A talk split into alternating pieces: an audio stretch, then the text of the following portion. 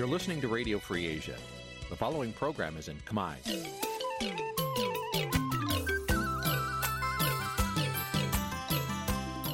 នេះជាកម្មវិធីផ្សាយ Vuthu Azizi Serai នេះជាកម្មវិធីផ្សាយរបស់ Vuthu Azizi Serai ជាភាសាខ្មែរ Vuthu Azizi Serai សូមស្វាគមន៍លោកអ្នកនាងទាំងអស់ពីរដ្ឋធានី Washington នៃសហរដ្ឋអាមេរិក។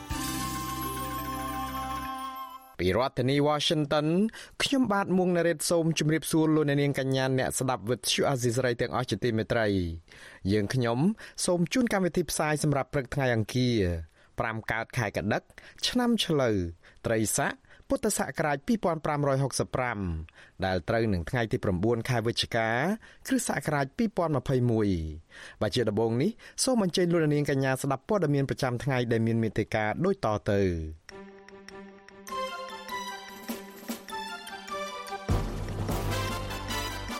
មេដឹកនាំគណៈបកសង្គ្រោះជាតិថាតំណាងអូស្ត្រាលី សន្យាជួយប្រជាពលរដ្ឋខ្មែរលើបញ្ហាសិទ្ធិមនុស្សនិងប្រជាធិបតេយ្យ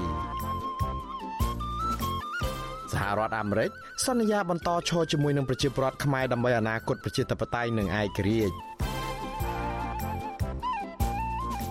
មន្ត្រីបកកណ្ដាលអំណាចលោកគង់ខៀងទម្លាក់កំហុសដាក់នាងហេងសវតីរឿងលោកជាសុផារ៉ា សកម្មជនបរិស្ថានទាមទារឲ្យតឡាការស៊ើបអង្កេតព្រាអាញារងម្នាក់ជាប់សង្ស័យនឹងការដឹកជញ្ជូនឈើខុសច្បាប់រួមនឹងព័ត៌មានផ្សេងផ្សេងមួយចំនួនទៀតបច្ចុប្បន្នតទៅទៀតនេះខ្ញុំបាទមួងណារ៉េតសូមជូនព័ត៌មានទាំងនេះពឺស្ដាបាទលោកអ្នកស្ដាប់ជាទីមេត្រីមេដឹកនាំគណៈបកសង្គ្រោះជាតិដែលកំពុងតែស្ថិតក្រោមការត្រួតពិនិត្យតាមផ្លូវតុលាការនិងរងការរដ្ឋបិទសិទ្ធិសេរីភាពខាងនយោបាយផងនោះ ថាតំណាងប្រទេសអូស្ត្រាលី សន្យាជួយប្រជាពលរដ្ឋខ្មែរលើបញ្ហាសិទ្ធិមនុស្សនិងប្រជាធិបតេយ្យនៅកម្ពុជាប្រធានគណៈបកសង្គ្រោះជាតិលោកកឹមសុខាសរសេរសារនៅលើទំព័រ Facebook របស់លោកក្រោយជំនួបជាមួយនឹងរដ្ឋមន្ត្រីការបរទេសនិងជារដ្ឋមន្ត្រីកិច្ចការនារីនៃប្រទេសអូស្ត្រាលីអ្នកស្រី Marie Spain កាលពីថ្ងៃទី8ខែវិច្ឆិកាថានៅក្នុងជំនួបនោះ ក្រៅពីពិភាក្សាអំពីទំនាក់ទំនងរវាងប្រទេសទាំងពីរអូស្ត្រាលីកម្ពុជាតំណាងអូស្ត្រាលីរូបនេះក៏បានបញ្ជាក់ថារដ្ឋាភិបាលអូស្ត្រាលីតែងតែតាមដានយ៉ាងយកចិត្តទុកដាក់អំពីស្ថានភាពប្រជាធិបតេយ្យនិងសិទ្ធិមនុស្សនៅកម្ពុជាហើយអូស្ត្រាលីនឹងពិភាក្សាសហការជាមួយនឹងប្រទេសប្រជាធិបតេយ្យដទៃទៀតដើម្បីជួយដល់ប្រជាពលរដ្ឋខ្មែរលើបញ្ហាទាំងនេះ ប្រទេសអូស្ត្រាលីជាប្រទេសហត្ថលេខីមួយក្នុងចំណោម18ប្រទេសនៃកិច្ចព្រមព្រៀងសន្តិភាពទីក្រុងប៉ារី23ដុល្លារឆ្នាំ1991ដោយសារតែកិច្ចព្រមព្រៀងនេះកម្ពុជាមានការផ្សះផ្សានិងបង្រួបបង្រួមជាតិដោយមានរដ្ឋធម្មនុញ្ញដែលធានាការគោរពសិទ្ធិមនុស្សនិងប្រជាធិបតេយ្យ ក៏ប៉ុន្តែក្នុងរយៈពេលជិត4ឆ្នាំចុងក្រោយនេះកម្ពុជារងការថ្កោលទោសនិងដាក់ទណ្ឌកម្មជំទាស់ពីសហគមន៍អន្តរជាតិដោយសារតែការរំលោភសិទ្ធិមនុស្សនិងបំផ្លាញប្រជាធិបតេយ្យធ្ងន់ធ្ងរទោះជាយ៉ាងនេះក្តីរដ្ឋាភិបាលអូស្ត្រាលី រងការរិះគន់ថាមិនបានចាត់ការឲ្យបានគ្រប់គ្រាន់និងម៉ឺងម៉ាត់នៅក្នុងការដាក់សម្ពាធឲ្យរបបក្រុងភ្នំពេញស្ដារសិទ្ធិមនុស្សនិងប្រជាធិបតេយ្យឡើងវិញនៅឡើយ បាឡូននាងជាទីមេត្រីជុំវិញរឿងនេះដែរលោកនាយរដ្ឋមន្ត្រីហ៊ុនសែនអះអាងថារដ្ឋមន្ត្រីការបរទេសអូស្ត្រាលីមកកម្ពុជា ដើម្បីពន្យល់រដ្ឋាភិបាលអំពីសម្ព័ន្ធភាពយោធាត្រីភាគីអូស្ត្រាលីចក្រភពអង់គ្លេសនិងសហរដ្ឋអាមេរិកហៅកាត់ថា AUKUS នៅក្នុងតំបន់ Indo-Pacific អ្នកវិភាគថាកម្ពុជានឹងជួបការលំបាកឬរងការស្ដីបន្ទោសនៅក្នុងទូនាទីជាប្រធានអាស៊ានប្រសិនបើមិនអាចដោះស្រាយករណីសម្ព័ន្ធភាពយោធាត្រីភាគី AUKUS នៅក្នុងតំបន់ Indo-Pacific នេះបានទេលោកមានរិទ្ធមានសេចក្តីរាយការណ៍លម្អិតជំវិញព័ត៌មាននេះលោកហ៊ុនសែនបានបង្ហាញសោតិធិនិយមនិងការរំពឹងខ្ពស់ចំពោះដំណើរទស្សនកិច្ចរបស់រដ្ឋមន្ត្រីការបរទេសអូស្ត្រាលីអ្នកស្រី Maris Payne មកកម្ពុជានៅពេលនេះ ថ្លែងក្នុងពិធីសម្ពោធអគារទីស្តីការក្រសួងដែនដីនៅព្រឹកថ្ងៃទី8ខែវិច្ឆិកាលោកហ៊ុនសានបានទាយទុកជាមុនថារដ្ឋមន្ត្រីការបរទេសអូស្ត្រាលីគ្មានគោលដៅមកសង្កត់កម្ពុជាឲ្យស្ដារលទ្ធិប្រជាធិបតេយ្យឬសិទ្ធិមនុស្សនោះទេទោះយ៉ាងណានៅមុនជំនួបគ្នាបន្តិចលោកហ៊ុនសានបានប្រមានជាស្រេចថារដ្ឋាភិបាលនឹងមិនផ្ដល់ទឹកធការឬវីសាឲ្យតំណាងប្រទេសណាដែលចង់មកគៀបសង្កត់កម្ពុជានោះទេ លោកហ៊ុនសែនក៏ជឿជាក់ដែរថាក្រៅពីការជជែកគ្នាអំពីសម្ព័ន្ធភាពយោធាត្រីភាគីរវាងអូស្ត្រាលីចក្រភពអង់គ្លេសនិងសហរដ្ឋអាមេរិកឬហៅកាត់ថា AUKUS នៅក្នុងតំបន់ Indo-Pacific ហើយនោះកម្ពុជាក៏នឹងអាចពង្រីកទំហំពាណិជ្ជកម្មជាមួយអូស្ត្រាលីបានបន្ថែមទៀតដែរ គឺមិនមែនជាការមកសង្កត់ទេប្រហែលជាការពន្យល់របស់គាត់ឲ្យយើងយល់អំពីអ្វីដែលហៅថាអគុដែលជាសម្ព័ន្ធភាពរវាងអូស្ត្រាលីអាមេរិកនិងអង់គ្លេសប្រហែលជារឿងហ្នឹងសំខាន់ជាងរឿងដទៃនេះបើតាមការស្មានរបស់ខ្ញុំជាធម្មតាទេអ្នកនយោបាយគឺតែងតែមានការប៉ាន់ស្មានថាមិត្តភ័ក្តិរបស់យើងនិយាយពីអីប៉ុន្តែនៅមានសហប្រណបត្តិការច្រើនទ្វេភាគីនៅមានរឿងច្រើនណាស់រដ្ឋមន្ត្រីការបរទេសអូស្ត្រាលីអ្នកស្រី Maris Payne បានជួបជជែកគ្នាជាមួយលោកនាយរដ្ឋមន្ត្រីហ៊ុនសែននិងរដ្ឋមន្ត្រីការបរទេសកម្ពុជា លោកប្រាក់សុខុនរួចហើយនៅថ្ងៃទី8ខែវិច្ឆិកាភាគីកម្ពុជានិងអូស្ត្រាលីមិនទាន់បានបង្ហាញលទ្ធផលជាផ្លូវការនៃជំនួបទាំងពីរនេះនៅឡើយទេជុំវិញរឿងនេះ Visual Asia ស្រីមិនអាចសុំការបញ្ជាក់ពីអ្នកនាំពាក្យរដ្ឋាភិបាល លោកផៃសិផាននិងអ្នកនាំពាក្យក្រសួងការបរទេសលោកកុយគួងបាននៅឡើយទេ នៅថ្ងៃទី8ខែវិច្ឆិកា ក៏ប៉ុន្តែរដ្ឋមន្ត្រីការបរទេសកម្ពុជា លោកប្រាក់សុខុនបានបង្ហោះសារក្រោយជំនួបជាមួយរដ្ឋមន្ត្រីការបរទេសអូស្ត្រាលីថាគោលជំហររួមរបស់កម្ពុជានិងអូស្ត្រាលីគឺការធានាឲ្យបាននូវសន្តិភាពស្ថិរភាពនិងវិបុលភាពនៅក្នុងតំបន់របស់យើងរីឯលោកហ៊ុនសានវិញលោកក៏បានបង្ហោះសារនៅលើទំព័រ Facebook របស់លោកក្រោយជំនួបនោះថាក្រៅពីសម្រាប់ផ្ដល់វ៉ាក់សាំងប្រឆាំងជំងឺ Covid-19 ដល់កម្ពុជាចំនួនជាង3លាន2សែនដូស ប្រមុខការទូតអូស្ត្រាលីក៏បានសាទរកម្ពុជា ដែលធ្វើជាប្រធានអាស៊ានហើយថាអូស្ត្រាលីនឹងជួយដល់កម្ពុជា ដើម្បីធ្វើយ៉ាងណាឲ្យកម្ពុជាទទួលបាននូវភាពជោគជ័យក្នុងនាមជាប្រធានអាស៊ានបើតាមលោកហ៊ុនសានអ្នកស្រី Maris Payne ក៏បានពន្យល់អំពីសម្ព័ន្ធភាពយោធាត្រីភាគី AUKUS នេះដល់ភាគីកម្ពុជាផងដែរកន្លងទៅតាមរយៈកិច្ចសន្ទនាតាមទូរស័ព្ទកាលពីថ្ងៃទី8ខែតុលា រដ្ឋមន្ត្រីការបរទេសកម្ពុជា លោកប្រាក់សុខុនធ្លាប់បញ្ជាក់ចំហប្រាប់អ្នកស្រី Maris Payne ថាកម្ពុជារំពឹងថាភាពជាដៃគូសន្តិសុខត្រីភាគីឬ AUKUS ដែលទើបនឹងបង្កើតថ្មី រវាងអូស្ត្រាលី អង់គ្លេសនិងសហរដ្ឋអាមេរិកនេះនឹងមិនបង្កើននូវភាពតានតឹងនៅក្នុងតំបន់បន្ថែមទៀតនោះទេ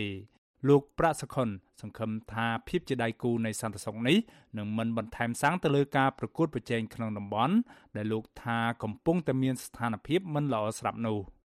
ទោះជាយ៉ាងណាក្រុមអ្នកខ្លាំមើលជឿជាក់ថារដ្ឋមន្ត្រីការបរទេសអូស្ត្រាលីមកកាន់កម្ពុជាលើកនេះ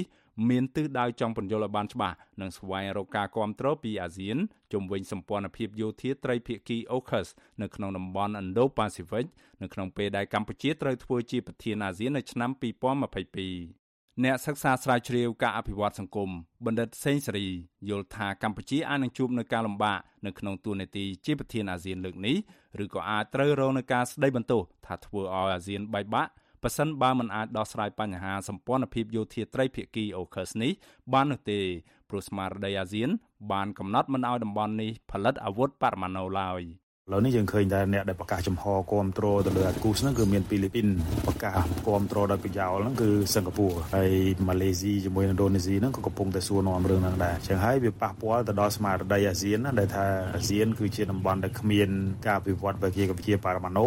ឬក៏នុយក្លេអ៊ែរអាហ្នឹងវាជាបន្ទុកថ្មីមួយទៀតវាជាវិញ្ញាសាថ្មីមួយទៀតសម្រាប់កម្ពុជានៅក្នុងការដោះស្រាយបញ្ហាហ្នឹងអំឡុងពេលដែលកម្ពុជាខ្លាយទៅជាប្រធានអាស៊ានឆ្នាំ2022 2023ហ្នឹងបាទ សម្ព័ន្ធភាពយោធាត្រីភាគី AUKUS ត្រូវបានបង្កើតឡើងដោយសហរដ្ឋអាមេរិកអង់គ្លេសនិងអូស្ត្រាលីកាលពីខែកញ្ញា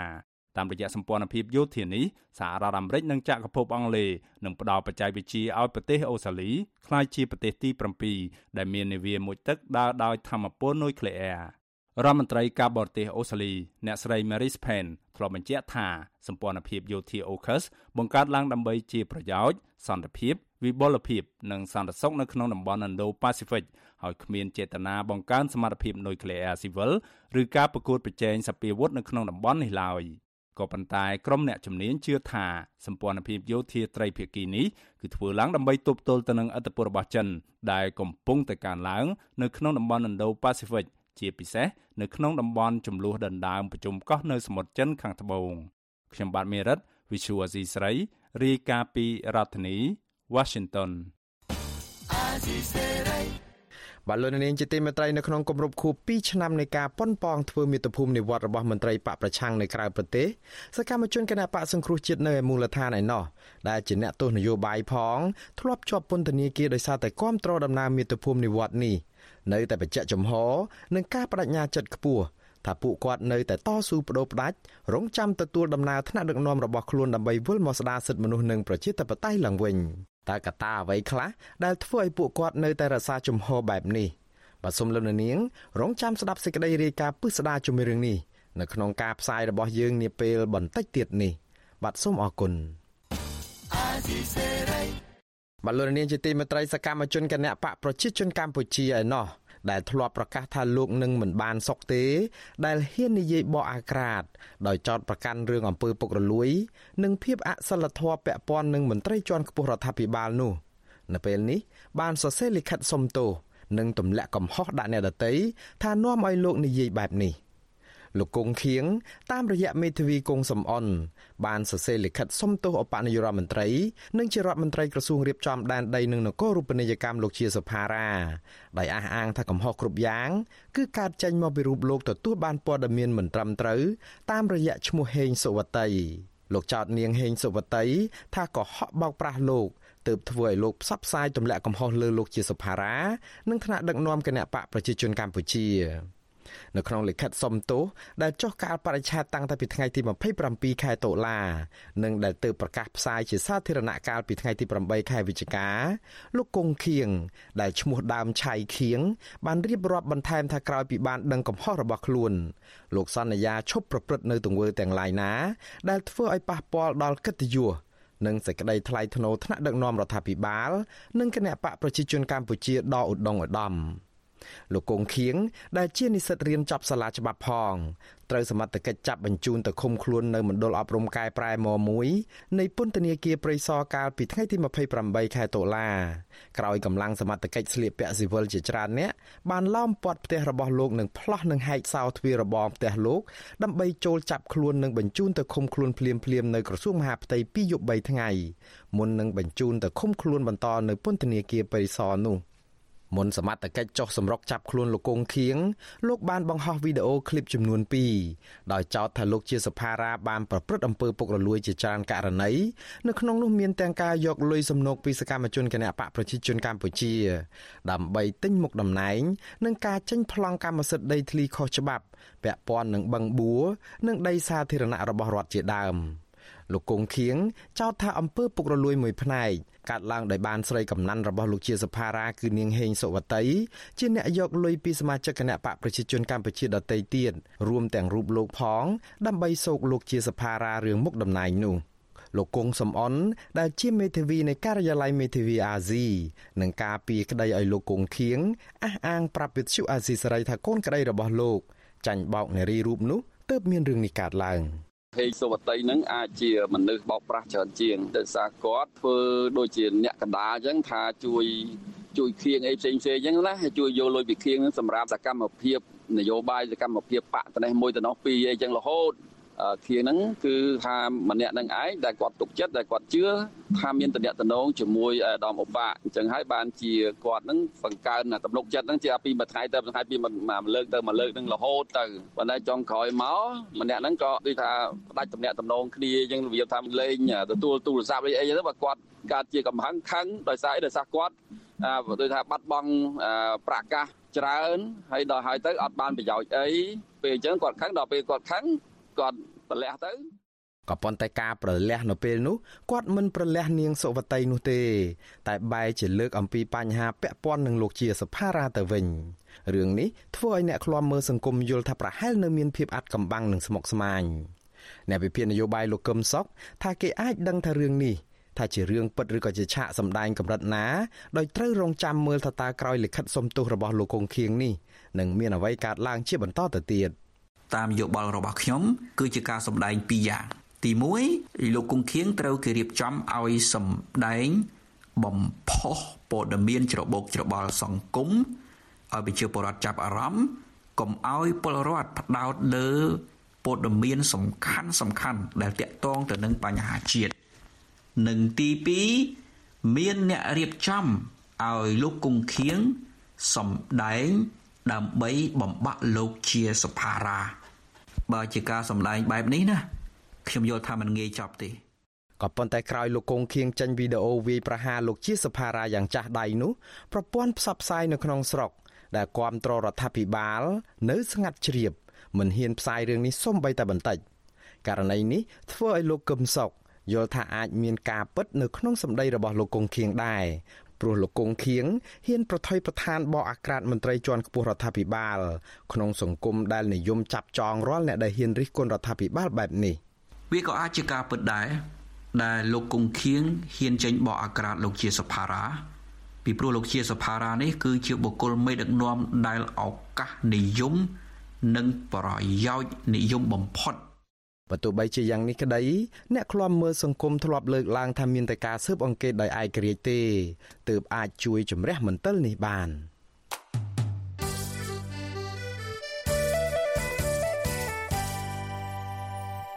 បាទលោកនាងជាទីមេត្រីនៅក្នុងឱកាសខួបលើកទី68នៃទិវាឯករាជ្យជាតិរបស់ប្រទេសកម្ពុជាសហរដ្ឋអាមេរិកសន្យាថានឹងនៅតែបន្តឈរជាមួយនឹងប្រជាពលរដ្ឋខ្មែរដើម្បីឲ្យពួកគេទទួលបាននូវអនាគតមួយប្រកបដោយវិបុលភាពលទ្ធិប្រជាធិបតេយ្យនិងឯករាជ្យកាន់តែប្រសើរជាងមុនរដ្ឋមន្ត្រីការបរទេសអាមេរិកលោក Anthony Blinken ថ្លែងយ៉ាងដូចនេះនៅក្នុងសារជូនពរផ្ញើជូនប្រជាពលរដ្ឋខ្មែរនៅក្នុងឱកាសប្រពៃទិវាឯករាជ្យជាតិថ្ងៃទី9ខែវិច្ឆិកាលោកគូបញ្ជាក់ថាសហរដ្ឋអាមេរិករំពឹងថានឹងធ្វើការជាមួយនឹងកម្ពុជានៅពេលដែលកម្ពុជាធ្វើជាប្រធានអាស៊ាននៅឆ្នាំ2022ខាងមុខនេះដើម្បីថែរក្សាសន្តិភាព និងសន្តិសុខតាមរយៈភាពជាអ្នកដឹកនាំរឹងមាំជុំវិញការអភិវឌ្ឍប្រកបដោយចីរភាពនៅក្នុងតំបន់ Indo-Pacific រដ្ឋមន្ត្រីការបរទេសអាមេរិករូបនេះក៏រំពឹងដែរថាសហរដ្ឋអាមេរិក នឹងធ្វើការយ៉ាងជិតស្និទ្ធជាមួយនឹងកម្ពុជា ដើម្បីកសាងអនាគតឲ្យកាន់តែប្រសើរឡើងវិញ ចេញពីវិបត្តិនៃជំងឺរាតត្បាតសកល COVID-19 ចាប់តាំងពីរបបលោកហ៊ុនសែនបានបើកយុទ្ធនាការជាប្រព័ន្ធគាស់រំលើងប្រជាធិបតេយ្យនិងសិទ្ធិមនុស្សដើម្បីធានាជាជំនះនៅក្នុងព្រឹត្តិការណ៍បោះឆ្នោតជាតិឆ្នាំ2018រួចមករបបនេះបានងាកទៅពឹងប្រទេសចិនកុម្មុយនីសខ្លាំងជាងពេលណាណាទាំងអស់ លើពីនេះទៅទៀតក៏មានការសង្ស័យថារបបលោកហ៊ុនសែនបានលួចចុះកុងត្រាសម្ងាត់ជាមួយនឹងរបបក្រុងប៉េកាំងអនុញ្ញាតឲ្យយោធាចិនប្រះប្រាស់កំពង់ផែកងទ័ពជើងទឹករៀមផ្ដាច់មុខនៅក្នុងរយៈពេលរាប់ទសវត្សរ៍បើទោះបីជារឿងរ៉ាវនេះត្រូវបានរបបលោកហ៊ុនសែនបដិសេធយ៉ាងដាច់អហង្ការជាបន្តបន្ទាប់ក៏ដោយក៏ហេតុការណ៍នេះកំពុងតែធ្វើឲ្យសហគមន៍ជាតិនិងអន្តរជាតិ បារម្ភថាកម្ពុជាអាចនឹងងាយបាត់បង់ឯករាជ្យនិងអព្យាក្រឹតរបស់ខ្លួន ទៅប្រទេសចិន ដែលអាចបង្កជាហានិភ័យនិងអសន្តិសុខដល់ស្ថិរភាពនៅក្នុងតំបន់ទាំងមូលនាពេលអនាគតស្របពេលដែលចិនកំពុងតែបង្កើនមហិច្ឆតា និងឥទ្ធិពលរបស់ខ្លួននៅក្នុងតំបន់អាស៊ីអាគ្នេយ៍សហរដ្ឋអាមេរិកតែងតែទទូចឲ្យរដ្ឋាភិបាលលោកហ៊ុនសែនធានាឲ្យបាននូវឯករាជ្យនិងអព្យាក្រឹតភាពព្រមទាំងស្ដារលទ្ធិប្រជាធិបតេយ្យនិងសិទ្ធិមនុស្សឡើងវិញផង។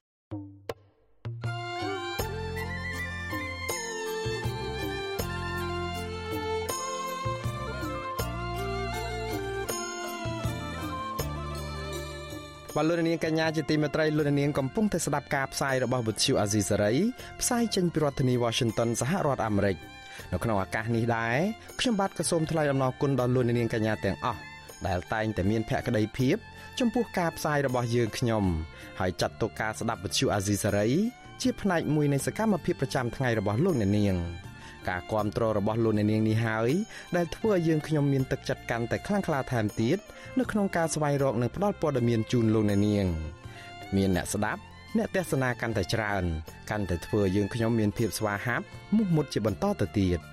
យើងខ្ញុំសូមអរគុណទុកជាមុនហើយក៏សូមអញ្ជើញលោកអ្នកនាងកញ្ញាចូលរួមជំរុញឲ្យសកម្មភាពផ្តល់ព័ត៌មានរបស់យើងខ្ញុំនេះកាន់តែមានភាពជោគជ័យបន្ថែមទៀត លោកអ្នកនាងអាចជួយយើងខ្ញុំបានដោយគ្រាន់តែចុចចែករំលែកឬក៏ Share ការផ្សាយរបស់យើងនៅលើបណ្ដាញសង្គម Facebook និង YouTube ទៅកាន់មិត្តភ័ក្តិដើម្បីធ្វើឲ្យការផ្សាយរបស់យើងបានទៅដល់មនុស្សកាន់តែច្រើន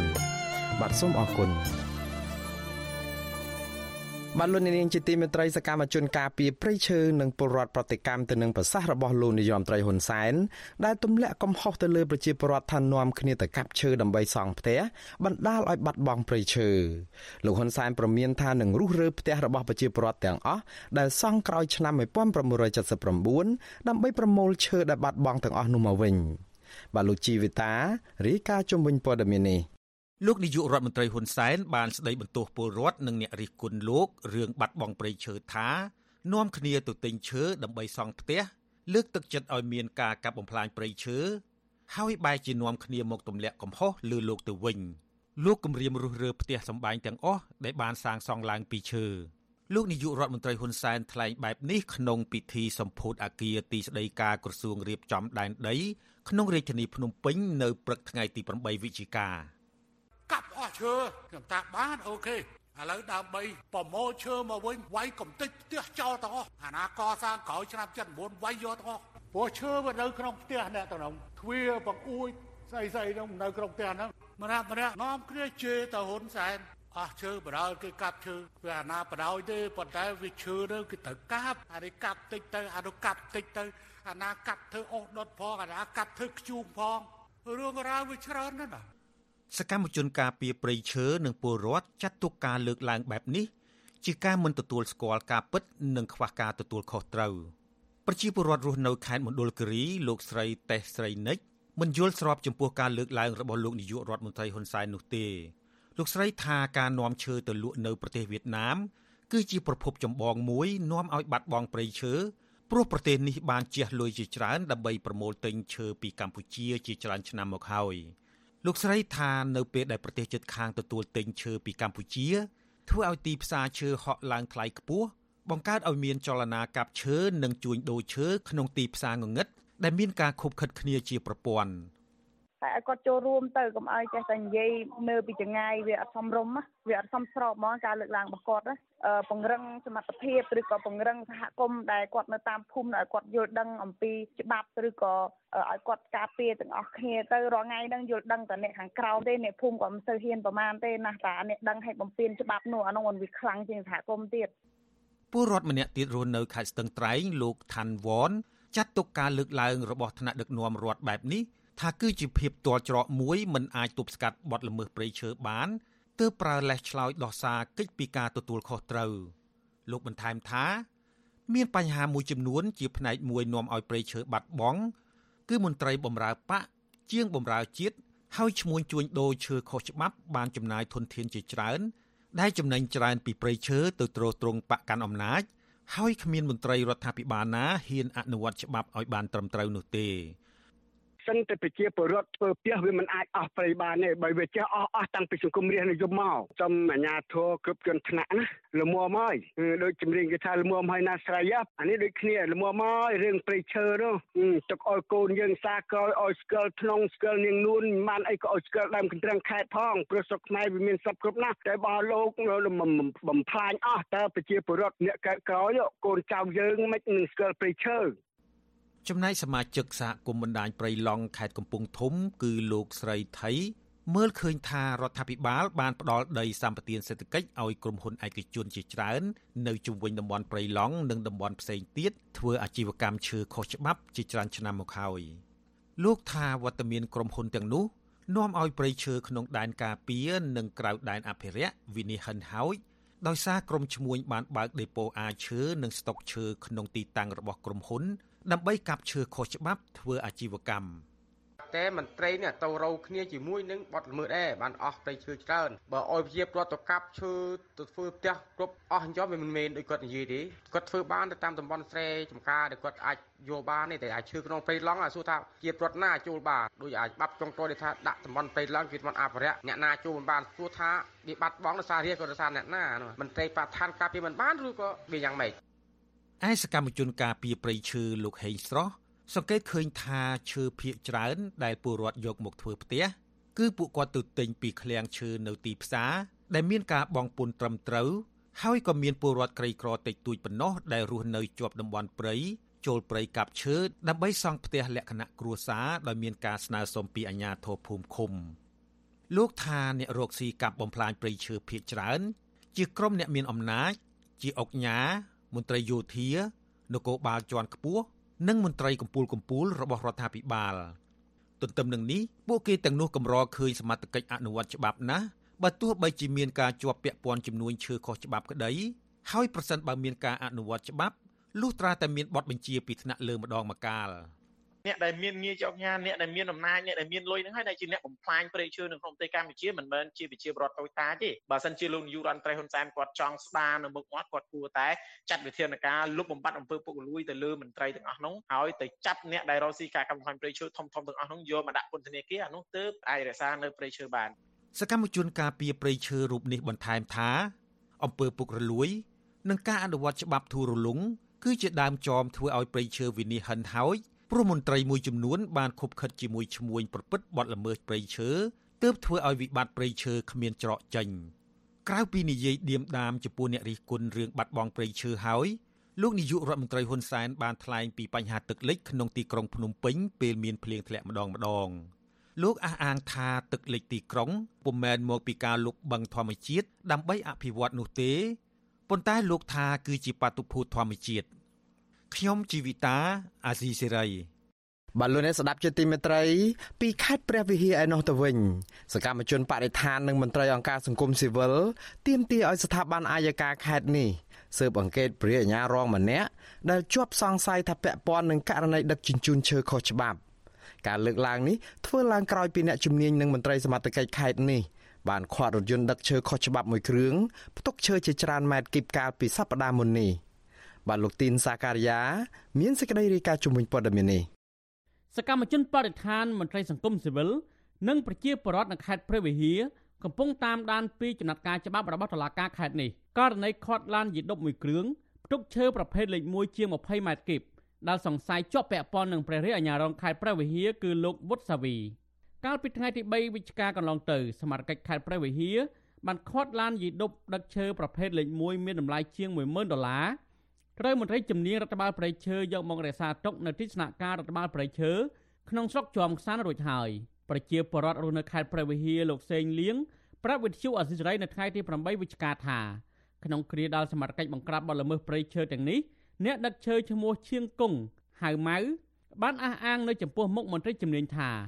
ឡានយីដុបដឹកឈើនេះជារបស់ព្រះរាជអាជ្ញារងខេត្តព្រះវិហារលោកវុតសាវី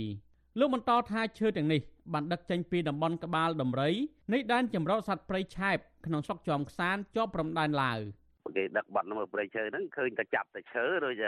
មនុស្សដូចគេបលែងអញ្ចឹងណាមនុស្សគេអត់ចាប់អញ្ចឹងវិទ្យុអាស៊ីសេរីមិនអាចតាក់ទងព្រះរាជអាជ្ញារងខេត្តព្រះវិហារលោកវុតសាវីនិងអ្នកដឹកឈើលោកឈៀងកុងនៅដើម្បីសួរអំពីបញ្ហានេះបាននៅឡើយទេកាលពីថ្ងៃទី8វិច្ឆិកាប៉ុន្តែព្រះរាជអាជ្ញារងលោកវុតសាវី បានបដិសេធនៅចំពោះមុខសមាជិកពាក់ព័ន្ធថាលោកមិនជាប់ពាក់ព័ន្ធនឹងបទល្មើសព្រៃឈើនេះទេគឺមានគេយកឈ្មោះរបស់លោកទៅប្រើប្រាស់ដើម្បីបន្លាចសមាជិកទោះជាយ៉ាងណាលោកសេងលៀងប្រតិកម្មថាបើសិនជាមានអ្នកដែលរកស៊ីបទល្មើសព្រៃឈើយកឈ្មោះលោកវុតសាវីព្រះរាជអាជ្ញារងរូបនេះទៅប្រើប្រាស់ដូចនេះមែនហេតុអ្វីបានជាលោកមិនមានចំណាត់ការច្បាស់លាស់លើបុគ្គលនោះ ឈើហ្នឹងឯងគេយកអរិញឈ្មោះបរិយាញ្ញារងហ្នឹងមកអះអាងគេថាបោះបរិយាញ្ញាអញ្ចឹងណានៅទេមិនទាន់អនុវត្តបាត់ទៅលើជនអរិញល្មើសដែលយកឈ្មោះលោកបរិយាញ្ញារងហ្នឹងមកអះអាងនៅឡើយទេតើតើនៅរឿងនេះព្រះរាជអាជ្ញាខេត្តព្រះវិហារលោកទីសវណ្ថាល់បានឆ្លើយតបយ៉ាងខ្លីថាស្ថាប័នអាយកាកំពុងស៊ើបអង្កេតរកអ្នកនៅពីក្រោយខ្នងដើម្បីអនុវត្តច្បាប់បន្ទាប់ពីកំណត់អត្តសញ្ញាណជនប្រព្រឹត្តបានមួយចំនួនរួចហើយ កំពុងតែរកអាចារ្យហ្នឹងវារត់គេចខ្លួនប៉ុន្តែគេស្គាល់សាវតាជាតិវាហើយអាចារ្យផ្ទាល់ណាដោយឡានៅក្រោយខ្នងយើងមិនទាន់រកឃើញទៅឡើយតចាប់បានអាដៃដល់ផ្ទាល់បានរកឃើញអានៅក្រោយខ្នងចុងវិញនឹងរឿងនេះមន្ត្រីពង្រឹងសិទ្ធិអំណាចសហគមន៍មូលដ្ឋាននៃសមាគមអាត60លោកប៉ែនបូណាយល់ថាបើសិនជាព្រះអាញារងយកទូនាទីប្រព្រឹត្តបទល្មើសព្រៃឈើគឺជាគំរូអាក្រក់មួយក្នុងសង្គមនិងជាអំពើល្មើសច្បាប់ ដែលទាមទារឲ្យតុលាការត្រូវស៊ើបអង្កេតនិងអនុវត្តច្បាប់ឲ្យបានម៉ឺងម៉ាត់លោកថាតុលាការត្រូវធានាថាជនគ្រប់រូបត្រូវមានភាពស្មើគ្នាចំពោះមុខច្បាប់ស្របតាមការបដិញ្ញាចិត្តរបស់ក្រសួងយុទ្ធភ័ព ករណីមួយនឹងនៅព្រះអភិរងតើតំណាងអัยការអមតារាដំបងខេត្តព្រះអភិរនឹងលោកចាត់ចំមានចំណាត់ការយ៉ាងម៉េចបាទចំពោះឈើនឹងដែលគេសង្ស័យថាជារបស់រាជអារងនឹងបាទហើយយើងសង្ឃឹមថាតំណាងអัยការនឹងធ្វើការស្រាវជ្រាវហើយធ្វើការចាប់ចោតប្រកាន់ហើយនឹងចុងចប់យើងឃើញថាមានការផ្ដន់ទាទោសបាទហើយចំពោះមន្ត្រីវាត្រូវតែមានស្ថានទម្ងន់ទោសទៀតរីឯសកម្មជនការពារប្រៃឈើលោកហេងឆ្លោះសង្កេតឃើញថាពលរដ្ឋសាមញ្ញដឹកឈើតិចតួច កម្រនឹងកិច្ចផុតពីកណ្ដាប់ដៃរបស់សមាជិកផ្ទុយទៅវិញលោកថាករណីបកគលមានលុយមានអំណាចនិងមន្ត្រីរាជការដែលប្រព្រឹត្តបទល្មើសព្រៃឈើ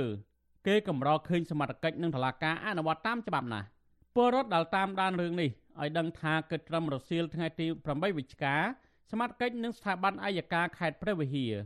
នៅមិនទាន់ចាប់ខ្លួនជនសង្ស័យដែលពាក់ព័ន្ធនឹងករណីដឹកជញ្ជូនឈើខុសច្បាប់បានឡើយទេ ពួកគេបានត្រឹមតែចាប់ឡានយីដប់និងវត្ថុតាងមករក្សាទុកតែប៉ុណ្ណោះរីឯឈើដែលចាប់បានមួយចំនួនសមត្ថកិច្ចវាស់វែងបញ្ជូនសំណុំរឿងទៅតុលាការហើយឈើលេខ1ល្អល្អមួយចំនួនទៀតមិនឃើញវាស់វែងដើម្បីបញ្ជូនទៅតុលាការនោះទេខ្ញុំទីនសាការីយ៉ាអសិរ័យប្រធានីវ៉ាស៊ីនតោន បាទលោកនាងជាទីមេត្រីលោកនាងក៏អាចស្ដាប់ការផ្សាយរបស់វិទ្យុអាស៊ីសេរីដែលផ្សាយដំណើរគ្នានឹងការផ្សាយតាមបណ្ដាញសង្គម Facebook និង YouTube នេះដែរតាមរយៈរលកធារកាសខ្លីឬក៏ Short Wave ពេលព្រឹកចាប់ពីម៉ោង5កន្លះដល់ម៉ោង6កន្លះតាមរយៈរលកធារកាសខ្លី9390 kHz ស្មើនឹងកម្ពស់ 32m និង11850 kHz ស្មើនឹងកម្ពស់ 25m ពេលយប់ចាប់ពីម៉ោង7កន្លះដល់ម៉ោង8កន្លះ តាមរយៈរលកធារកាសខ្លី9390 kHz ដែលស្មើនឹងកម្ពស់ 32m និង15155 kHz ស្មើនឹងកម្ពស់ 20m បាទលោកនាងជាទីមេត្រីក្នុងគម្រប់ខួប2ឆ្នាំនៃការប៉ុនប៉ងធ្វើមាតុភូមិនិវត្តរបស់មន្ត្រីបកប្រឆាំងនៅក្រៅប្រទេសសកម្មជនគណៈបកសង្គ្រោះជាតិនៅមូលដ្ឋានឯណោះដែលជាអ្នកទស្សនយោបាយធ្លាប់ជាប់ពន្ធនាគារដោយសារតែគាំទ្រដំណើរមាតុភូមិនិវត្តនេះនៅតែបញ្ជាក់ជំហរនឹងការបដិញ្ញាចិត្តខ្ពស់ថាពួកគាត់នៅតែតស៊ូបដូរផ្ដាច់រងចាំទទួលដំណើរថ្នាក់ដឹកនាំរបស់ខ្លួនដើម្បីវិលមកស្ដារសិទ្ធិមនុស្សនិងប្រជាធិបតេយ្យឡើងវិញ។ សកម្មជនគណៈបកសង្គ្រោះជាតិដែលធ្លាប់ជាប់គុក12ខែនឹងត្រូវតឡាការពិន័យជាប្រាក់4លានរៀលឬប្រមាណ1000ដុល្លារអាមេរិកដោយសារតែគាំទ្រប្រធានស្ដីទីគណៈបកសង្គ្រោះជាតិលោកសំរងស៊ីវលចូលស្រុកវិញនោះថ្លែងថាបើទោះបីជាលោករងការធ្វើទុកបុកម្នេញយ៉ាងអយុត្តិធម៌ពីសំណាក់អាជ្ញាធររបបក្រុងភ្នំពេញយ៉ាងណាក្តីក៏លោកមិនបោះបង់ជំហរគាំទ្រថ្នាក់ដឹកនាំគណៈបកសង្គ្រោះជាតិវិលមកកម្ពុជាវិញនោះដែរ សកម្មជនគណបកសង្គ្រោះជាតិនៅមូលដ្ឋាននៃខេត្តកំពង់ចាម លោកគៀវិសាលប្រាប់វិទ្យុអាស៊ីសេរីថាលោកសំរងស៊ីនិងមន្ត្រីគណៈបកសង្គ្រោះជាតិដទៃទៀតដែលតឡាការរបបក្រុងភ្នំពេញផ្ដន់ទាទោសទាំងអយុធធរនោះគឺមិនមែនជាទណ្ឌិតឬក៏ជនក្បត់ជាតិដោយការចោទប្រកាន់នោះឡើយផ្ទុយទៅវិញលោកថាលោកសំរងស៊ីនិងមន្ត្រីជាន់ខ្ពស់បកប្រឆាំងឯទៀត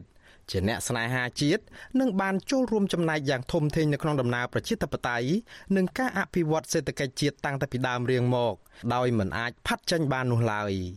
ដូច្នេះលោកនៅតែត្រៀមខ្លួនរួចជាស្រេចដើម្បីទទួលដំណើរវិលត្រឡប់មកមាតុភូមិវិញរបស់មន្ត្រីទាំងនោះ ឆន្ទៈមនសិការដ៏មកតេរបស់ខ្ញុំគឺខ្ញុំមិនបានបោះបង់ចោលហើយខ្ញុំគ្រប់គ្រងនៅគ្រប់អ្វីដែលលោកប្រធានសំរងស៊ីក៏ដូចជាថ្នាក់ដឹកនាំជាន់ខ្ពស់ដែលនិរទេសនៅក្រៅប្រទេសត្រូវវិលត្រឡប់ចូលប្រទេសវាជារឿងសមហេតុសមផលដែលថាក្នុងនាមគាត់ជា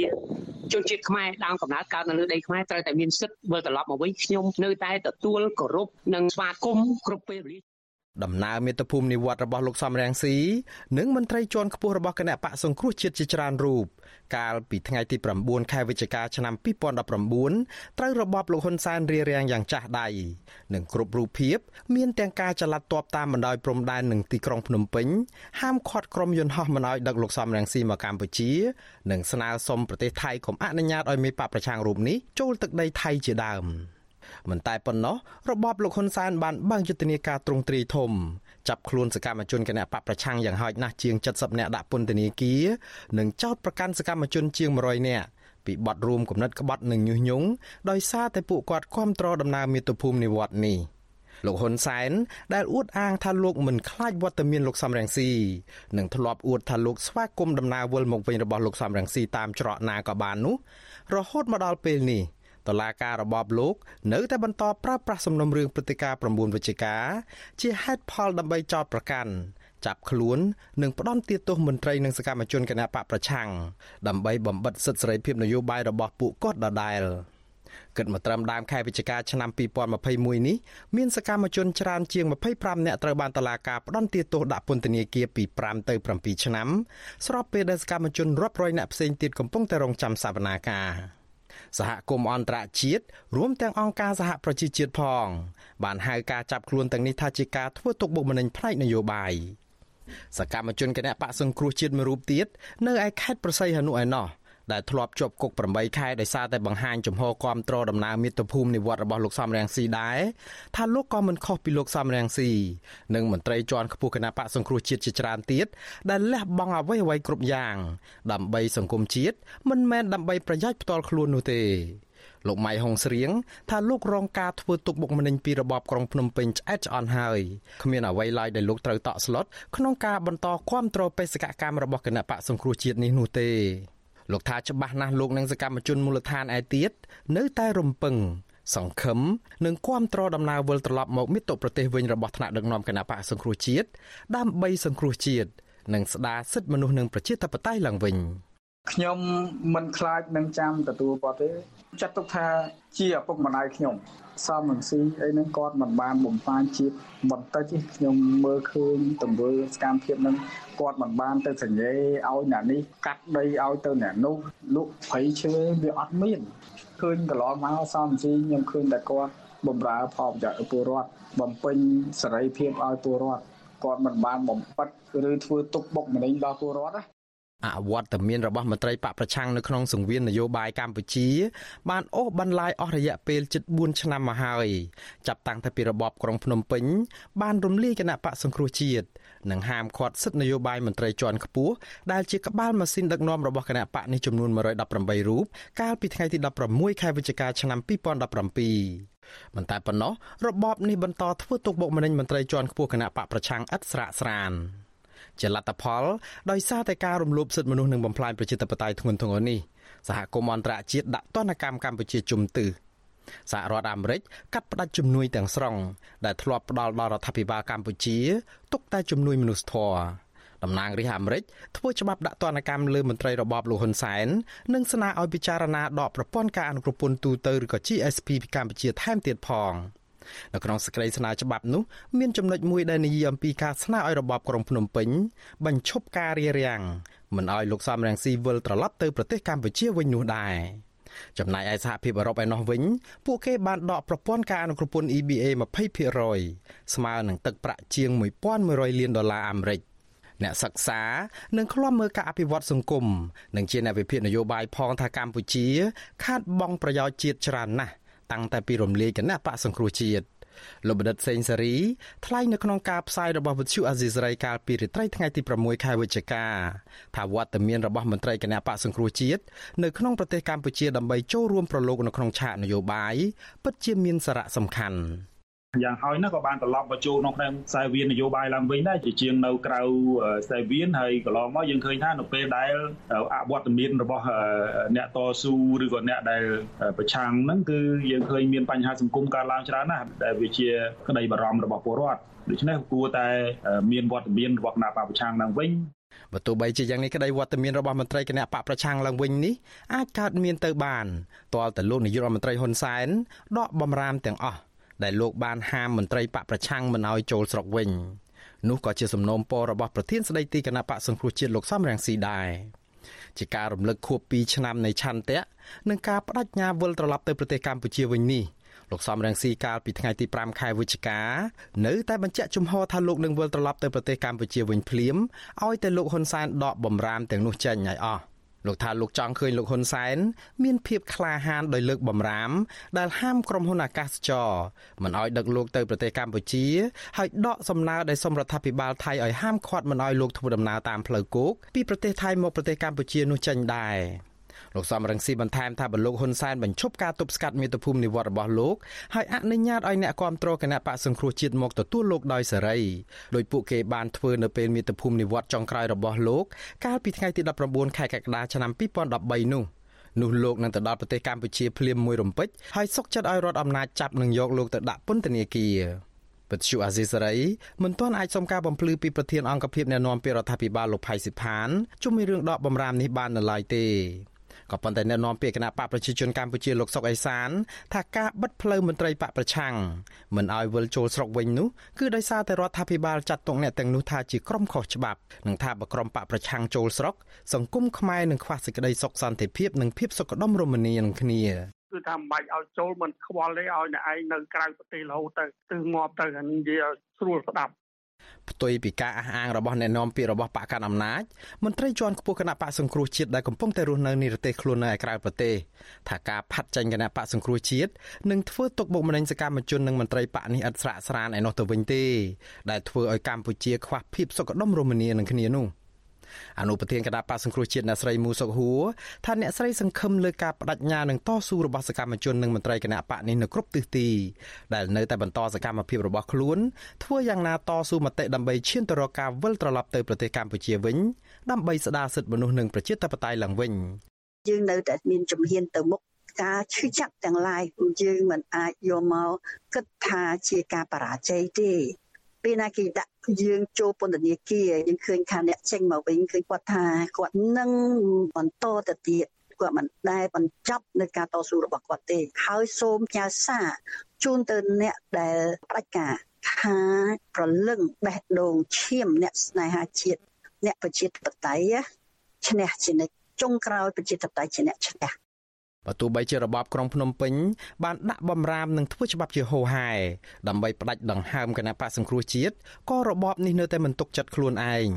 រហូតដល់ពេលថ្មីថ្មីនេះបាននាំគ្នាធ្វើច្បាប់កំណត់សញ្ជាតិតែមួយដើម្បីរារាំងកុំឲ្យលោកសំរងស៊ីអាចធ្វើជានាយករដ្ឋមន្ត្រីបានក៏ប៉ុន្តែសកម្មជនមូលដ្ឋានរបស់គណៈបកនេះនៅតែជឿជាក់ថាលោកសំរងស៊ីនៅតែអាចធ្វើជានាយករដ្ឋមន្ត្រីដោយលាសញ្ជាតិបារាំង។ ជាងនេះទៅទៀតពួកគាត់សង្ឃឹមថាសម្ពាធនឹងទណ្ឌកម្មពីសហគមន៍អន្តរជាតិដែលកំពុងតែមានជាបន្តបន្ទាប់នឹងអាចធ្វើឲ្យរបបក្រុងភ្នំពេញគ្មានជំរឿសអ្វីក្រៅពីបន្ធូរបន្ថយស្ថានភាពនយោបាយ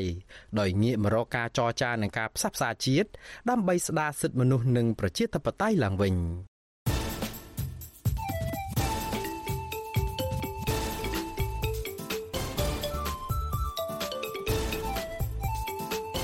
បទវិភាគ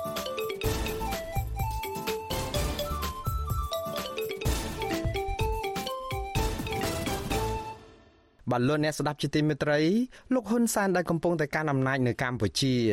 បានងាកទៅខាងចិនកាន់តែខ្លាំងឡើងខ្លាំងឡើង ស្របពេលដែលរបបនេះកំពុងតែប្រឈមនឹងការដាក់សម្ពាធនិងទណ្ឌកម្មពីប្រទេសលោកខាងលិច មានជាអាចសហរដ្ឋអាមេរិកសហភាពអឺរ៉ុបនិងប្រទេសប្រជាធិបតេយ្យជាដើម។របបលោកហ៊ុនសែនតែងតែបង្ហាញមោទនភាពចំពោះទំនាក់ទំនងស្អិតរមួតរវាងកម្ពុជានិងចិន ដែលហាក់ជាការឌឺដងដល់ប្រទេសលោកខាងលិច ដែលកំពុងតែដាក់គំនាបដល់របបនេះឲ្យងាកមកដើរតាមគន្លងប្រជាធិបតេយ្យនិងការគោរពសិទ្ធិមនុស្សឡើងវិញ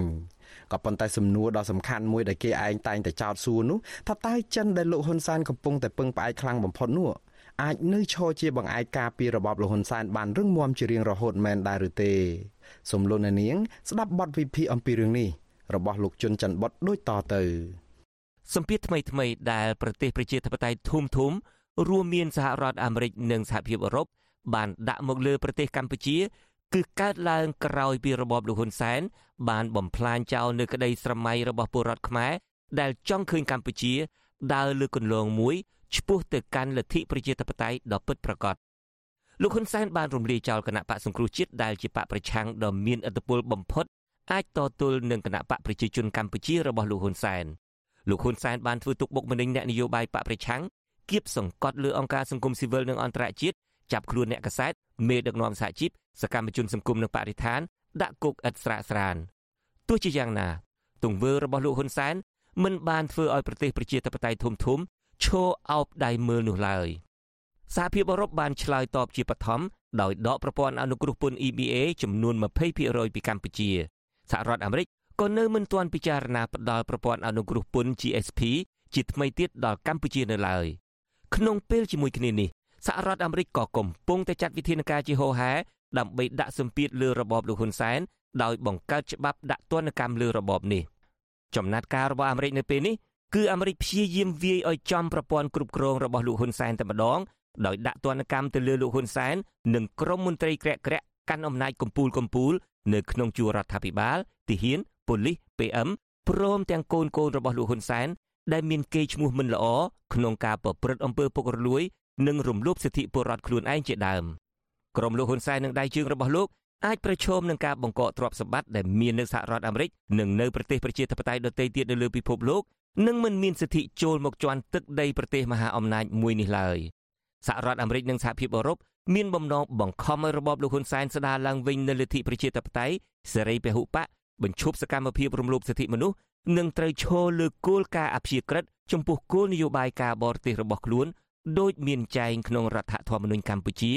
និងស្មារតីនៃកិច្ចព្រមព្រៀងសន្តិភាពទីក្រុងប៉ារីសអ្នកតាមដានស្ថានភាពនយោបាយនិងសង្គមកម្ពុជាខ្លះយល់ថាទណ្ឌកម្មរបស់អាមេរិកអាចវាយទម្លុះប្រព័ន្ធគ្រប់គ្រងបែបមេកន្ទ្រាញរបស់លោកហ៊ុនសែនហើយអាចធ្វើឲ្យរបបដឹកនាំបច្ចុប្បន្នរង្គោះរង្គើប្រសិនជាបន្តដឹកនាំតាមរបៀបដូចបច្ចុប្បន្ន នៅពេលដែលសម្ពាធនិងទណ្ឌកម្មរបស់ប្រទេសប្រជាធិបតេយ្យកំពុងតែមានសន្ទុះខ្លាំងទៅលើរបបលោកហ៊ុនសែនលោកហ៊ុនសែនក៏កាន់តែស្រវាស្ទិញរត់ទៅពឹងចិនឲ្យជួយរឿងរត់ទៅពឹងចិនឲ្យជួយនេះមិនមែនជារឿងថ្មីថ្មោងសម្រាប់លោកហ៊ុនសែននោះទេក៏ប៉ុន្តែអ្វីដែលថ្មីនៅក្នុងពេលនេះនៅត្រង់ថាលោកហ៊ុនសែនបានសារភាពដោយឥតលាក់លៀមតែម្ដង ថាបើមិនឲ្យលោកទៅពឹងចិនតើឲ្យលោកទៅពឹងអ្នកណាទៅវិញ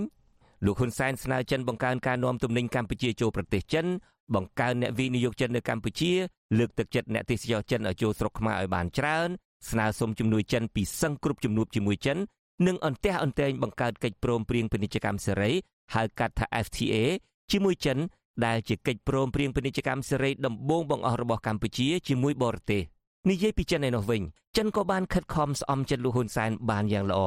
ភាគតិចណាស់ដែលចិនបានច្រានចោលសំណើរបស់លោកហ៊ុនសែនក្នុងវិស័យនយោបាយនិងការទូតគេឃើញចិនចេញមុខគាំទ្ររបបលោកហ៊ុនសែន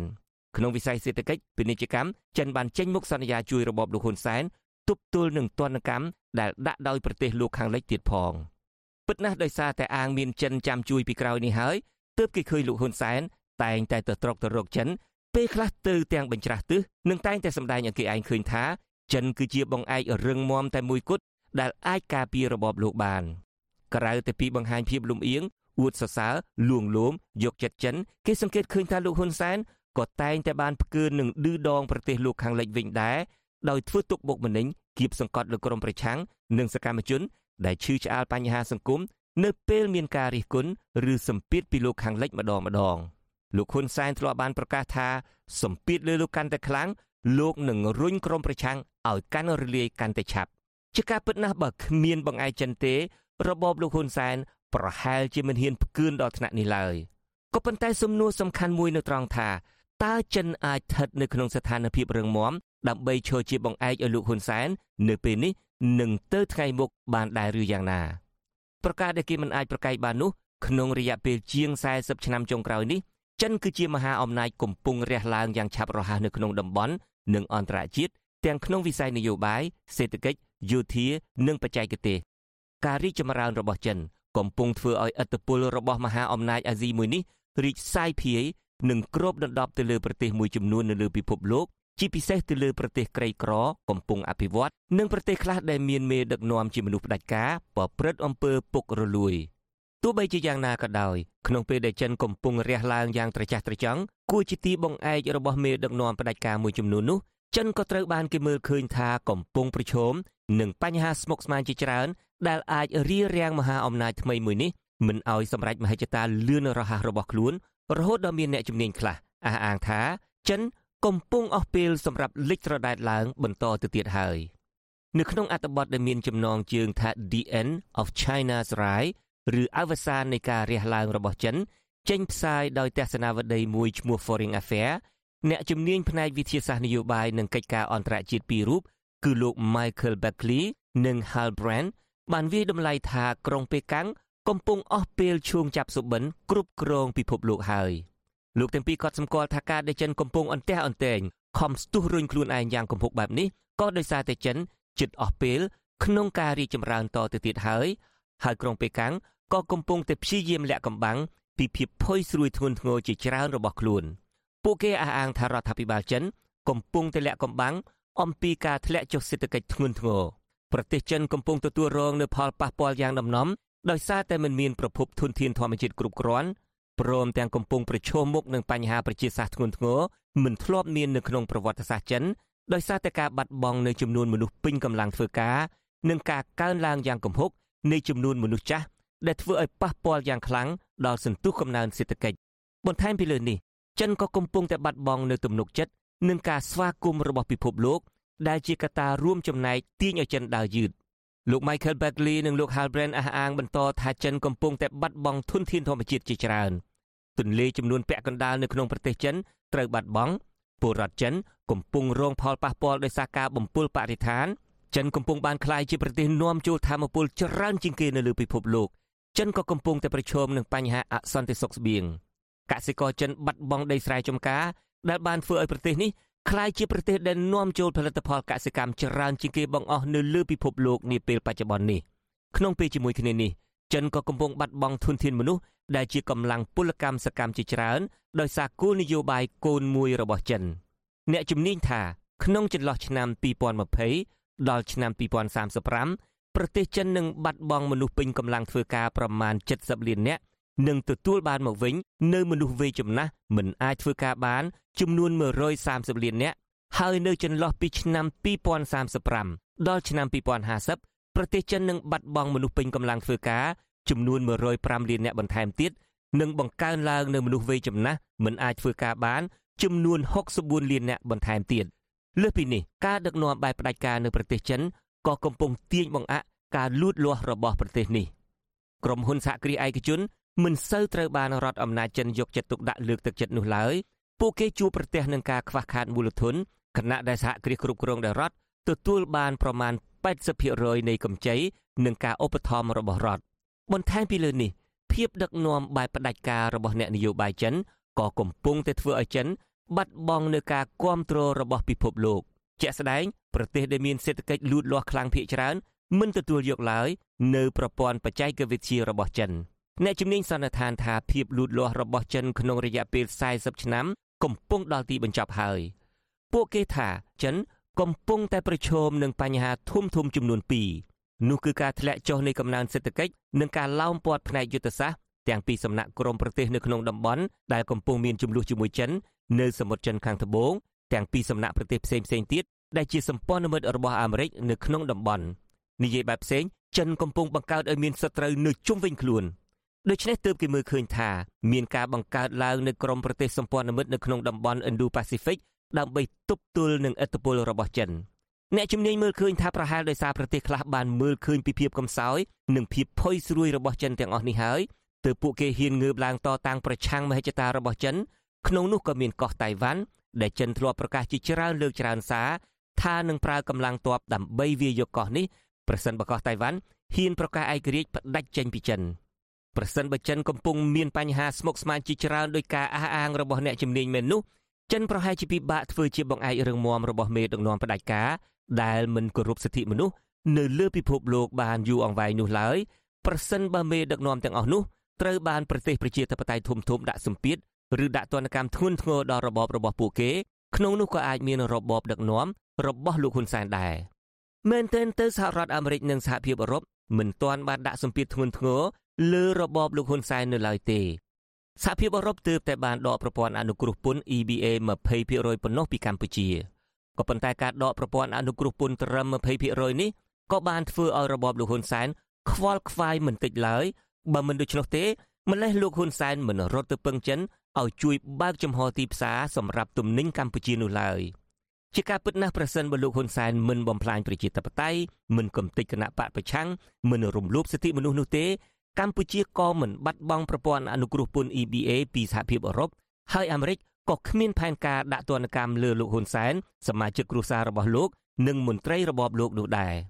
មកដល់ត្រង់នេះប្រហែលជាគេអាចនិយាយបានថាប្រសិនបើលោកហ៊ុនសែនកែប្រែអេរិយាប័តដោយស្ដារប្រជាធិបតេយ្យឲ្យរស់ឡើងវិញគោរពសិទ្ធិមនុស្សឲ្យបានត្រឹមត្រូវឈប់បំបិទសិទ្ធិសេរីភាពធ្វើទុកបុកម្នេញក្រុមប្រឆាំងឈប់ធ្វើបាបអ្នកឈឺឆ្អាលបញ្ហាសង្គមនោះកម្ពុជា អាចទទួលបានអ្វីអ្វីដែលបាត់បង់មកវិញទាំងអស់ហើយលោកហ៊ុនសែននិងមន្ត្រីរបស់លោកក៏ប្រហែលជាមិនទទួលទណ្ឌកម្មពីសហរដ្ឋអាមេរិកនោះដែរក៏ប៉ុន្តែលោកហ៊ុនសែនក៏ប្រហែលជាដឹងច្បាស់ថាប្រសិនបើលោកកែប្រែអេរិយាប័ត្រធ្វើកំណែទម្រង់រៀបចំឲ្យមានការបោះឆ្នោតមួយប្រកបដោយលទ្ធិប្រជាធិបតេយ្យសេរីនិងត្រឹមត្រូវពិតប្រាកដលោកប្រហែលជាអាចត្រូវបាត់បង់អំណាចដោយសារបកប្រឆាំងដូច្នេះមធ្យោបាយល្អបំផុតគឺត្រូវកំទេចក្រុមប្រឆាំងដើម្បីបន្តកាន់អំណាច ដូច្នេះហើយបានជាមានការសន្និដ្ឋានថាអ្វីអ្វីដែលលោកហ៊ុនសែនបានធ្វើគឺដើម្បីតែម្យ៉ាងគត់គឺដើម្បីការពារអំណាចរបស់លោកនិងផលប្រយោជន៍ក្រុមគ្រួសាររបស់លោកយ៉ាងណាក៏ដោយចុះប្រវត្តិសាស្ត្របានបញ្ជាក់ហើយថាការដឹកនាំបែបផ្ដាច់ការមិនអាចរក្សាអំណាចបានយូរអង្វែងនោះឡើយកាលនៅមានជីវិតបណ្ឌិតកែមលីបានលើកឡើងថាអំណាចដែលថិតថេររឹងមាំបំផុត គឺអំណាចបានមកពីប្រជាពលរដ្ឋដូច្នេះប្រហែលជាគេអាចសន្និដ្ឋានបានថា ប្រសិនបើលោកហ៊ុនសែននៅតែបន្តដឹកនាំបែបផ្ដាច់ការរបបរបស់លោកក៏នឹងបន្តទទួលរងទណ្ឌកម្មពីប្រទេសប្រជាធិបតេយ្យធំធំ ហើយទណ្ឌកម្មក៏ប្រហែលជាអាចធ្ងន់ធ្ងរជាងបច្ចុប្បន្ននេះទៀតក៏អាចថាបាន ចំណែកប្រទេសចិន ដែលលោកហ៊ុនសែនតែងរត់ទៅពឹងជាបង្អែកនោះក៏ប្រហែលជាមិនអាចជួយលោកហ៊ុនសែនខ្ចីដង្ហើមដកបានគ្រប់តែពេលនោះដែរព្រោះថាចិនខ្លួនឯងក៏កំពុងឈានដល់កម្រិតមួយត្រដោខ្យល់រួចហើយដែរខ្ញុំជួនច័ន្ទបុត Vichu Ray, Washington.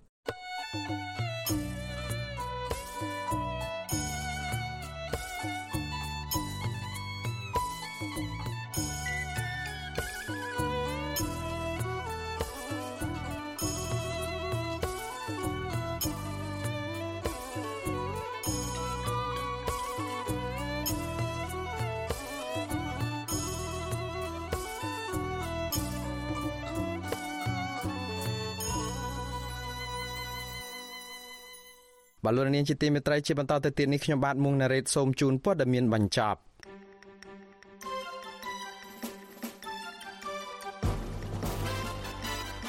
ប្រធានគណៈបកសង្គ្រោះជាតិលោកកម្មសុខាសរសេរសារនៅលើទំព័រ Facebook របស់លោកក្រោយជំនួបជាមួយនឹងរដ្ឋមន្ត្រីការបរទេសនិងជារដ្ឋមន្ត្រីកិច្ចការនារី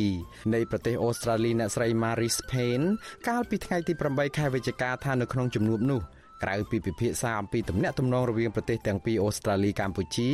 តំណាងអូស្ត្រាលីរូបនេះក៏បានសន្យាថារដ្ឋាភិបាលអូស្ត្រាលីតែងតែតាមដានយ៉ាងយកចិត្តទុកដាក់អំពីស្ថានភាពប្រជាធិបតេយ្យនិងសិទ្ធិមនុស្សនៅកម្ពុជាហើយអូស្ត្រាលីនឹងពិភាក្សា សហការគ្នាជាមួយនឹងប្រទេសប្រជាធិបតេយ្យដទៃទៀតដើម្បីជួយដល់ប្រជាពលរដ្ឋខ្មែរលើបញ្ហាទាំងនេះក្នុងគម្រប់ខួប2ឆ្នាំនៃការប៉ុនប៉ងធ្វើមាតុភូមិនិវត្តរបស់មន្ត្រីបកប្រឆាំងនៅក្រៅប្រទេស សកម្មជនគណបកសង្គ្រោះជាតិនៅមូលដ្ឋានដែលជាអ្នកទស្សនយោបាយធ្លាប់ជាប់ពន្ធនាគារ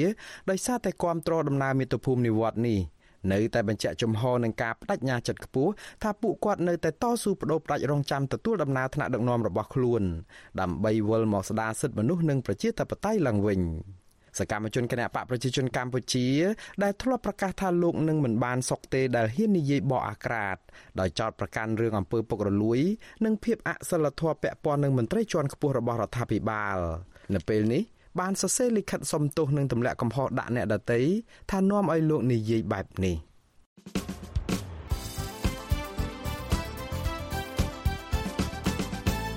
បលូននាងកញ្ញាអ្នកស្ដាប់ជាទីមេត្រីការផ្សាយរយៈពេល1ម៉ោងជាភាសាខ្មែររបស់វិទ្យុអាស៊ីសេរីនៅពេលនេះចប់តែប៉ុណ្ណេះយើងខ្ញុំសូមជូនពរដល់លោកនាងព្រមទាំងក្រុមគ្រួសារទាំងអស់ឲ្យជួបប្រកបតែនឹងសេចក្តីសុខចម្រើនរុងរឿងកុំបីឃ្លៀងឃ្លាតឡើយខ្ញុំបាទមុងណារ៉េតព្រមទាំងក្រុមការងារទាំងអស់នៃវិទ្យុអាស៊ីសេរីសូមអរគុណនិងសូមជម្រាបលា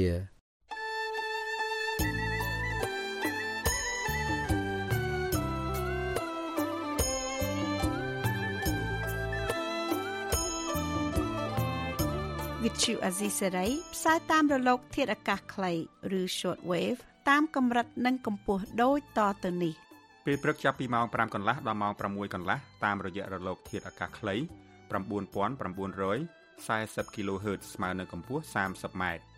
ពេលយប់ចាប់ពីម៉ោង7កន្លះដល់ម៉ោង8កន្លះតាមរយៈរលក ធាតុអាកាសខ្លី